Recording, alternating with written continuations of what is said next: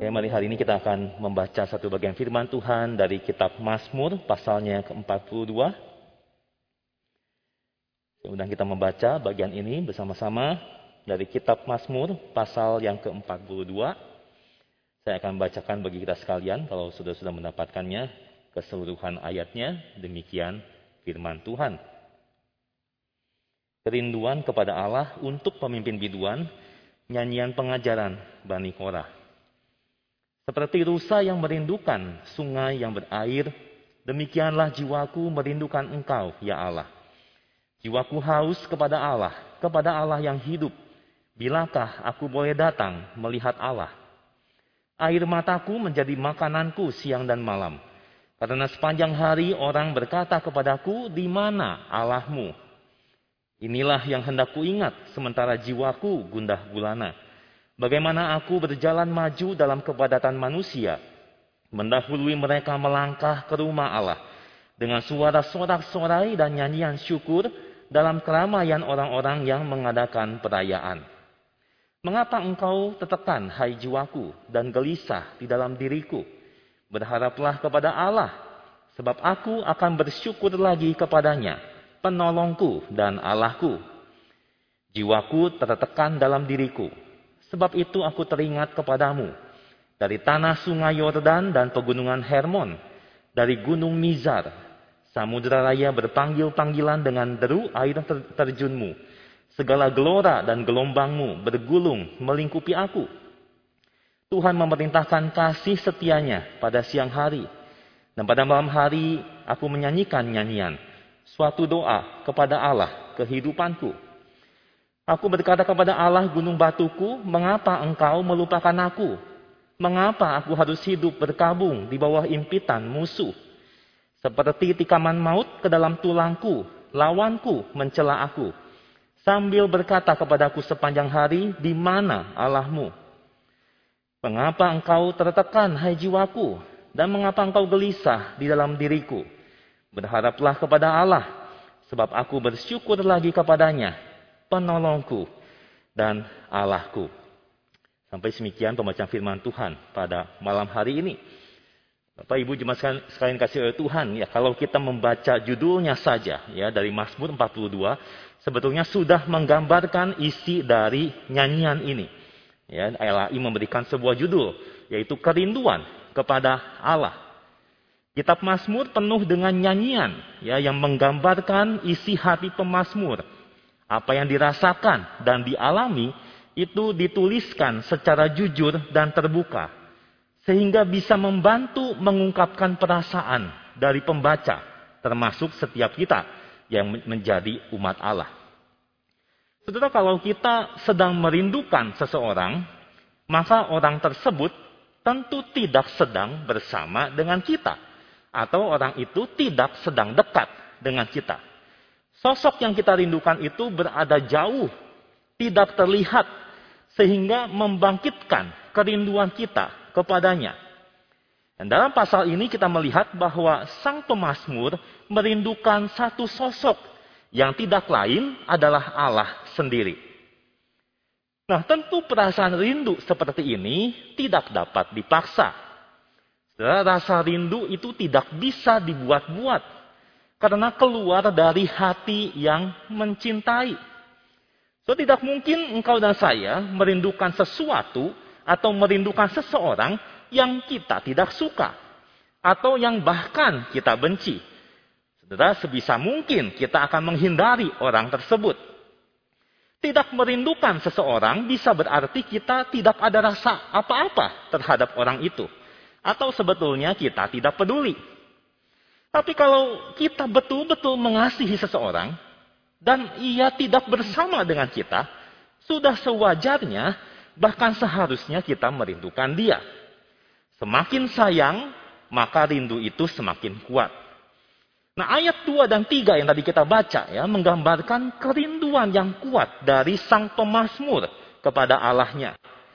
Ia mengibaratkan kerinduannya itu seperti seekor rusa yang merindukan sungai yang berair. Saudara kita bisa membayangkan seekor rusa yang mungkin sedang berlari ketakutan, ya dikejar oleh binatang yang mau memangsanya. Rusa itu lari secepat mungkin dan lalu dia kehausan. Dan ia merindukan air untuk diminum. Bukan hanya memuaskan dahaga, tapi juga memberinya kekuatan dan demi bertahan hidup. Keinginannya untuk minum itu begitu kuat. Kalau tidak, dia bisa mati. Sebegitu rindunya pemazmur kepada Allah. Demikian jiwaku merindukan engkau. Lalu ia melanjutkan penggambaran itu. Jiwaku haus kepada Allah. Kepada Allah yang hidup. Jadi dia merasa jiwanya, hatinya itu begitu haus akan Allah. Mungkin seperti mau mati rasanya. Sudah ia begitu membutuhkan dan merindukan Allah. Saudara, apa penyebab pemazmur merindukan atau mencari Allah dengan kesungguhan hati? Sudah kita membaca tadi ayat keempat, air mataku menjadi makananku siang dan malam, karena sepanjang hari orang berkata kepadaku, di mana Allahmu? Tampaknya kerinduan sang pemazmur akan Allah itu bercampur dengan sebuah kesedihan. Ada air mata yang ditumpahkan tidak habis-habis. Air mata itu bahkan dikatakan menjadi makanannya.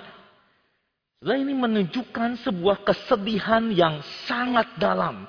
Sehingga pemazmur itu tidak mau makan. Apa alasannya?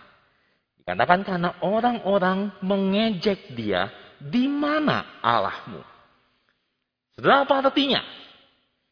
Kita tidak tahu pasti ya apa yang terjadi. Karena pemazmur hanya mengungkapkan perasaannya yang terdalam. Sepertinya pemazmur sedang berada di bawah tekanan musuh.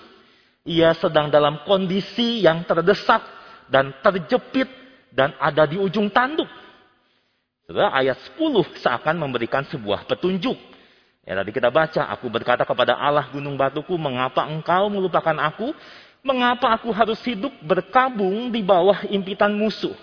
Kemudian dilanjutkan ayat 11. Seperti tikaman maut ke dalam tulangku. Lawanku mencela aku. Sambil berkata kepadaku sepanjang hari, di mana Allahmu? Sekali lagi, kita tidak tahu dengan pasti apa yang dialami oleh pemazmur. Beberapa penafsir mengidentifikasi penulis itu sebagai Daud. Ya, memang dalam keterangan ditulis ini nyanyian pengajaran dari Bani Korah. Tapi bahasa Ibrani sebetulnya tidak jelas. Dari atau bagi. Ya, mungkin bagi Bani Korah. Kemudian bahasa seperti mengapa engkau meninggalkan aku, Allah gunung batuku, itu tulisan Daud dalam beberapa bagian lain dari kitab Mazmur. Nah, menurut John Calvin, ya nyanyian ini mungkin lahir ketika Daud melarikan diri dari kejaran Raja Saul yang ingin membunuhnya. Jadi saudara memang tidak jelas sebetulnya apa yang terjadi. Tapi saudara kita tahu bahwa dalam perjanjian lama, berkat Tuhan bagi umat Israel itu masih sangat bersifat fisik. Berkat itu identik dengan hal-hal yang bersifat lahiriah. Seperti tanah yang dijanjikan, keamanan dari segala musuh, dan termasuk kemenangan perang. Sedangkan penderitaan, sakit penyakit, atau kalah perang identik dengan kutuk dari Tuhan. Maka ketika pemazmur itu berada di bawah impitan, atau juga diterjemahkan sebagai ditindas musuh, dia di ujung tanduk, tidak berdaya, dia ada di pihak yang kalah, Seakan-akan ini adalah hukuman Tuhan. Tuhan tidak berkenan atas dia. Itu sebabnya musuhnya yang sekarang sedang ada di atas angin, pihak yang lebih kuat itu berani mengejek sang pemazmur. Di mana Allahmu? Apa iya Allah itu ada di pihakmu? Lihat saja keadaanmu, sangat memilukan, kondisinya miris, kalah dan tidak bisa apa-apa. Hinaan, ejekan, celaan terus dilontarkan musuh kepada sang pemazmur. Dan tidak heran ia sampai bertanya, "Mengapa engkau meninggalkan aku, ya Tuhan?" Dia ingin percaya bahwa Tuhan ada di pihaknya. Bahwa Tuhan berkenan kepadanya. Tetapi realitanya berbicara lain. Dia merasa Tuhan itu jauh. Jejak kehadirannya tidak bisa dia lacak. Saudara, mengapa pemazmur merindukan Allahnya? Jadi ini yang kita lihat. Yang pertama tadi, karena ia ada dalam himpitan musuh. Sehingga dia merasa ditinggalkan oleh Allah. Yang kedua adalah karena dia sedang dalam pelarian. Sehingga dia tidak bisa bersama-sama umat Allah datang dan sujud menyembah dia. Ayat kelima tadi kita baca, inilah yang hendak ingat sementara jiwaku gundah gulana. Bagaimana aku berjalan maju dalam kepadatan manusia mendahului mereka melangkah ke rumah Allah dengan suara sorak-sorai dan nyanyian syukur dalam keramaian orang-orang yang mengadakan perayaan. Di pemazmur mengingat lagi pengalamannya atau kebiasaannya beribadah dalam komunitas umat Allah. Waktu mereka bersama-sama beramai-ramai datang ke rumah Tuhan memuji Tuhan dengan penuh sukacita dan ucapan syukur dan merayakan berbagai perayaan yang Allah tetapkan dalam Tauratnya. Tetapi sekarang ia berada dalam pelarian. Dia tidak bisa beribadah bersama dengan umat Allah lainnya. Ayat 6 bagian terakhir dari tanah sungai Yordan, dari pengudungan Hermon, dari gunung Mizar. Sudah menggambarkan daerah-daerah yang jauh dari tempat di mana ia biasa beribadah. Nah, saudara, apakah pemazmur tidak mengerti doktrin bahwa Allah itu maha hadir? Ya, apakah Allah itu terlokalisir hanya di satu tempat tertentu sehingga dia tidak bisa menyembah Allah di tempat lain? So, tentu tidak demikian. Pemazmur pasti mengerti.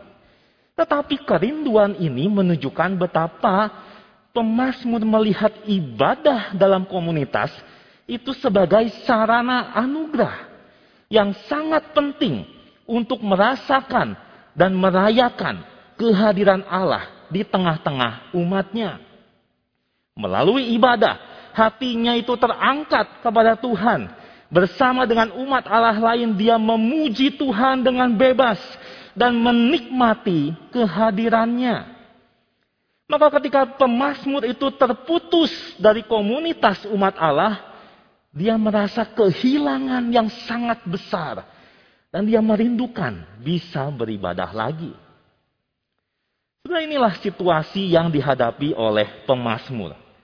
Hasratnya yang utama adalah kehadiran Allah dalam hidupnya. Tetapi dia sedang berada di bawah penindasan musuh dan mereka mengejek, mencelaknya. Di mana Allahnya? Dia merasa Tuhan tidak berada di sisinya dan berkenan kepada dirinya.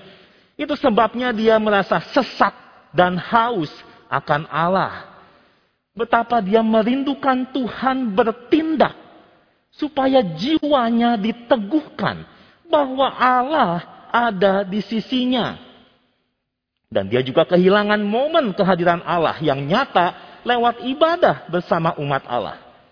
Semua ini membuatnya berseru, "Mengapa engkau melupakan aku?" Tuhan seakan terdiam dan tidak menjawabnya.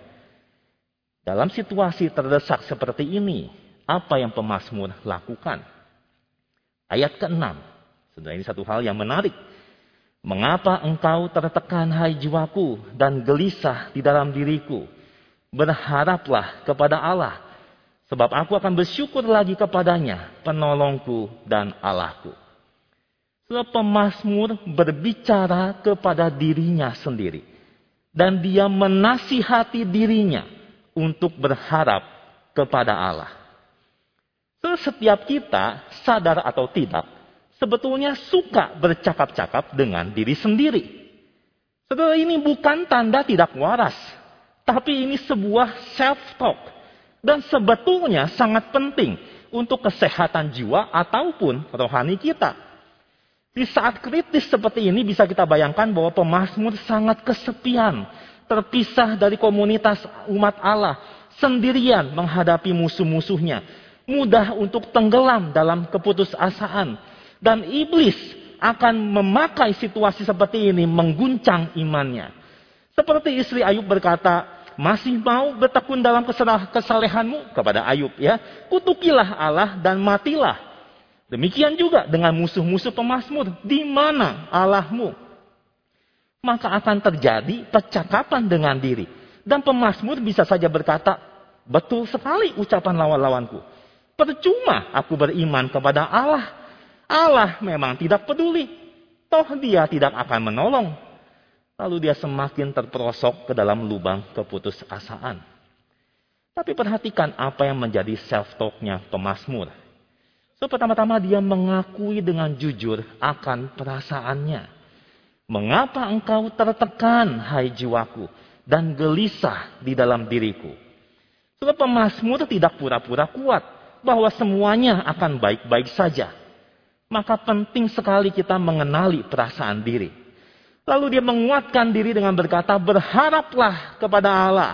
Sebab aku akan bersyukur lagi kepadanya atau memujinya lagi penolongku dan Allahku. Ucapan ini menunjukkan imannya kepada Tuhan. Dia percaya bahwa Tuhan akan bertindak pada waktunya. Dia akan menyatakan kehadirannya lagi dalam hidupnya. Dia menyemangati dirinya untuk tetap memuji Tuhan yang adalah penolong dan Allahnya. Apakah lalu persoalan pemasmur selesai? Apakah sesudah berbicara dengan diri, menguatkan dirinya sendiri, lalu jiwanya langsung tenang dan damai. Semua kegalauan yang dirasakan itu sirna. Ternyata kalau kita perhatikan, saudara belum selesai. Sesudah mengucapkan kalimat itu di ayat ketujuh, dia kembali mengungkapkan bahwa jiwanya ini tertekan. Dan dia gambarkan sampai ayat yang ke-11. Ayat 8 dikatakan, segala gelora, gelombangmu bergulung melingkupi aku. So gambaran seakan masalah demi masalah itu menerpa dirinya. Satu masalah belum selesai, datang lagi masalah yang lain. Selalu apa yang dilakukan oleh pemasmur? Dia kembali berbicara dengan diri. Menasihati jiwanya untuk berharap kepada Allah. Dan ucapan ini menutup pasal 42. Sudah kita tidak tahu apa hasil dari pergumulan doa sang pemasmur. Tapi kita bisa belajar bahwa kita diundang untuk bergumul dengan Allah di dalam doa. Dan Mazmur ini memberikan kita model bagaimana kita mengekspresikan kerinduan kita kepada Allah. Sebagai refleksi, apakah kita merindukan Allah seperti pemazmur? Seberapa dalam kerinduan kita kepada Dia? Atau seberapa sering kita merindukan kehadiran Allah dalam hidup kita. So, kalau kita mau jujur, mungkin sebetulnya kita lebih sering mengingat Allah ketika hidup kita dilanda kesulitan atau diterpa oleh masalah. Betul tidak? Kita menjadi lebih rajin berdoa, memohon supaya Allah bertindak, dan menolong kita dari penderitaan yang ada. Apakah itu salah? Tidak, saudara. Karena kepada siapa kita minta pertolongan kalau bukan kepada Tuhan? Tetapi akhirnya bukan Allah yang menjadi utama, yang menjadi hasrat hati kita, melainkan solusi atas masalah kita yang menjadi paling utama. Sikap ini berbeda dari pemazmur. Memang dia meminta Tuhan bertindak dan meminta pertolongan. Tapi hasrat utamanya adalah agar dia merasakan kehadiran Allah. Memang penindasan musuh membuatnya terjepit dan dia ingin dilepaskan dari kesesakan itu. Tapi yang menjadi concern utama adalah ejekan musuh di mana Allahnya. Baginya celaan itu bagaikan pisau yang menikam dia. Ayat 11 tadi, tikaman maut ke dalam tulangku, lawanku mencela aku. Allah sepertinya menyembunyikan diri dari pemasmur sehingga dia tidak merasakan kehadirannya. Bagi pemazmur, kehadiran Allah juga nyata ketika beribadah bersama umat Allah lainnya. Maka Bapak Ibu Saudara sekalian, bagaimana sikap kita sewaktu ibadah? Apakah engkau dan saya menemukan sukacita? Ataukah ibadah itu menjadi beban sehingga cuma menjadi sebuah rutinitas yang membosankan? Kalau memang kita menanti-nantikan waktu ibadah, sungguhkah kita persiapkan hati waktu kita mau menyembah Tuhan bersama? Sebenarnya waktu kita menafsirkan kitab ini, kita juga mesti berhati-hati dengan konteks penulisan. Pada masa perjanjian lama, Kristus Yesus belum datang. Sekarang kita hidup di masa anugerah. Karena Yesus Kristus itu sudah datang. Dan dia berjanji akan menyertai murid-muridnya, ya umat percaya, senantiasa sampai kepada akhir zaman.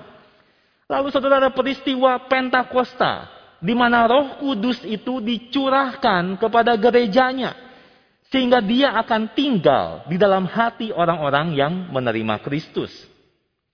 Maka kita bisa menikmati kehadiran Tuhan dengan lebih penuh.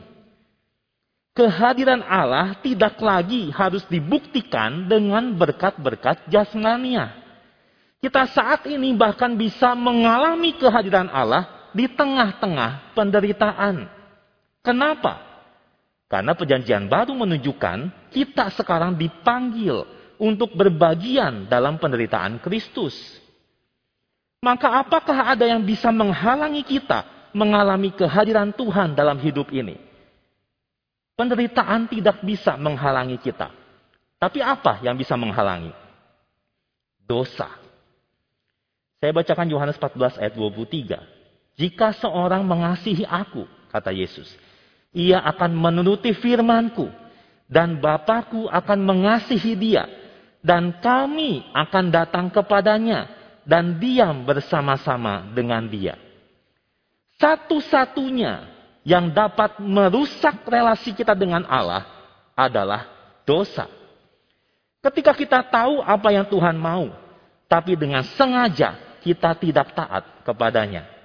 Ketika kita mengutamakan kenyamanan, kenikmatan hidup, sehingga mengkompromikan ketaatan kepada firman.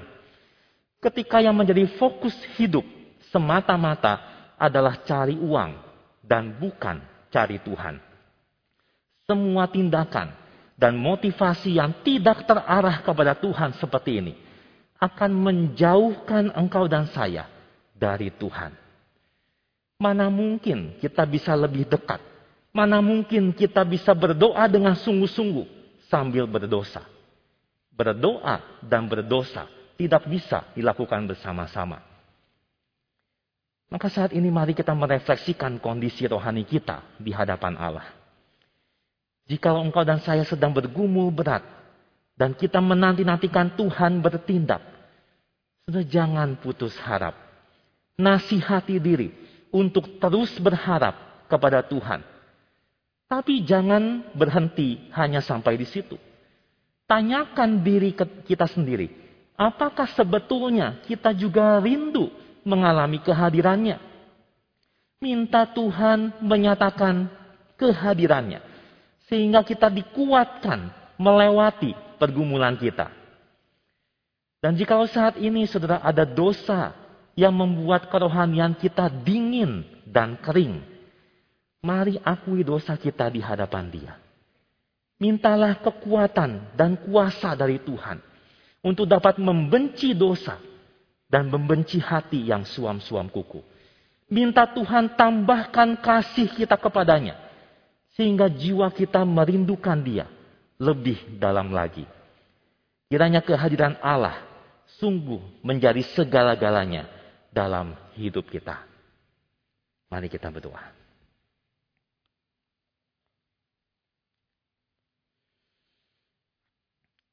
Tuhan biarlah kami datang kepadamu saat ini. Mengakui akan segala kerapuhan kami.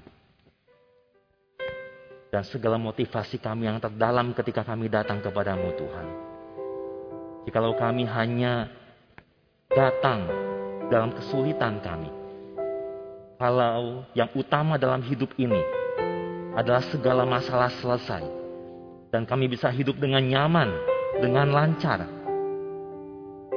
Oh Tuhan, apakah kami betul-betul merindukan Engkau? Tolong kami ya Tuhan.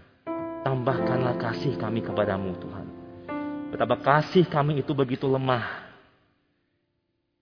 Kalau ada dosa-dosa yang membuat kami tidak lagi menikmati kehadiranmu ya Tuhan. Membuat kami jauh daripada Engkau. Oh Tuhan, bawa kami untuk boleh membenci dosa-dosa itu. Bawa kami untuk membawanya di hadapanmu. Berikan kami kekuatan untuk lepas dari dosa kami, membenci dosa kami, dan merindukan Tuhan lagi.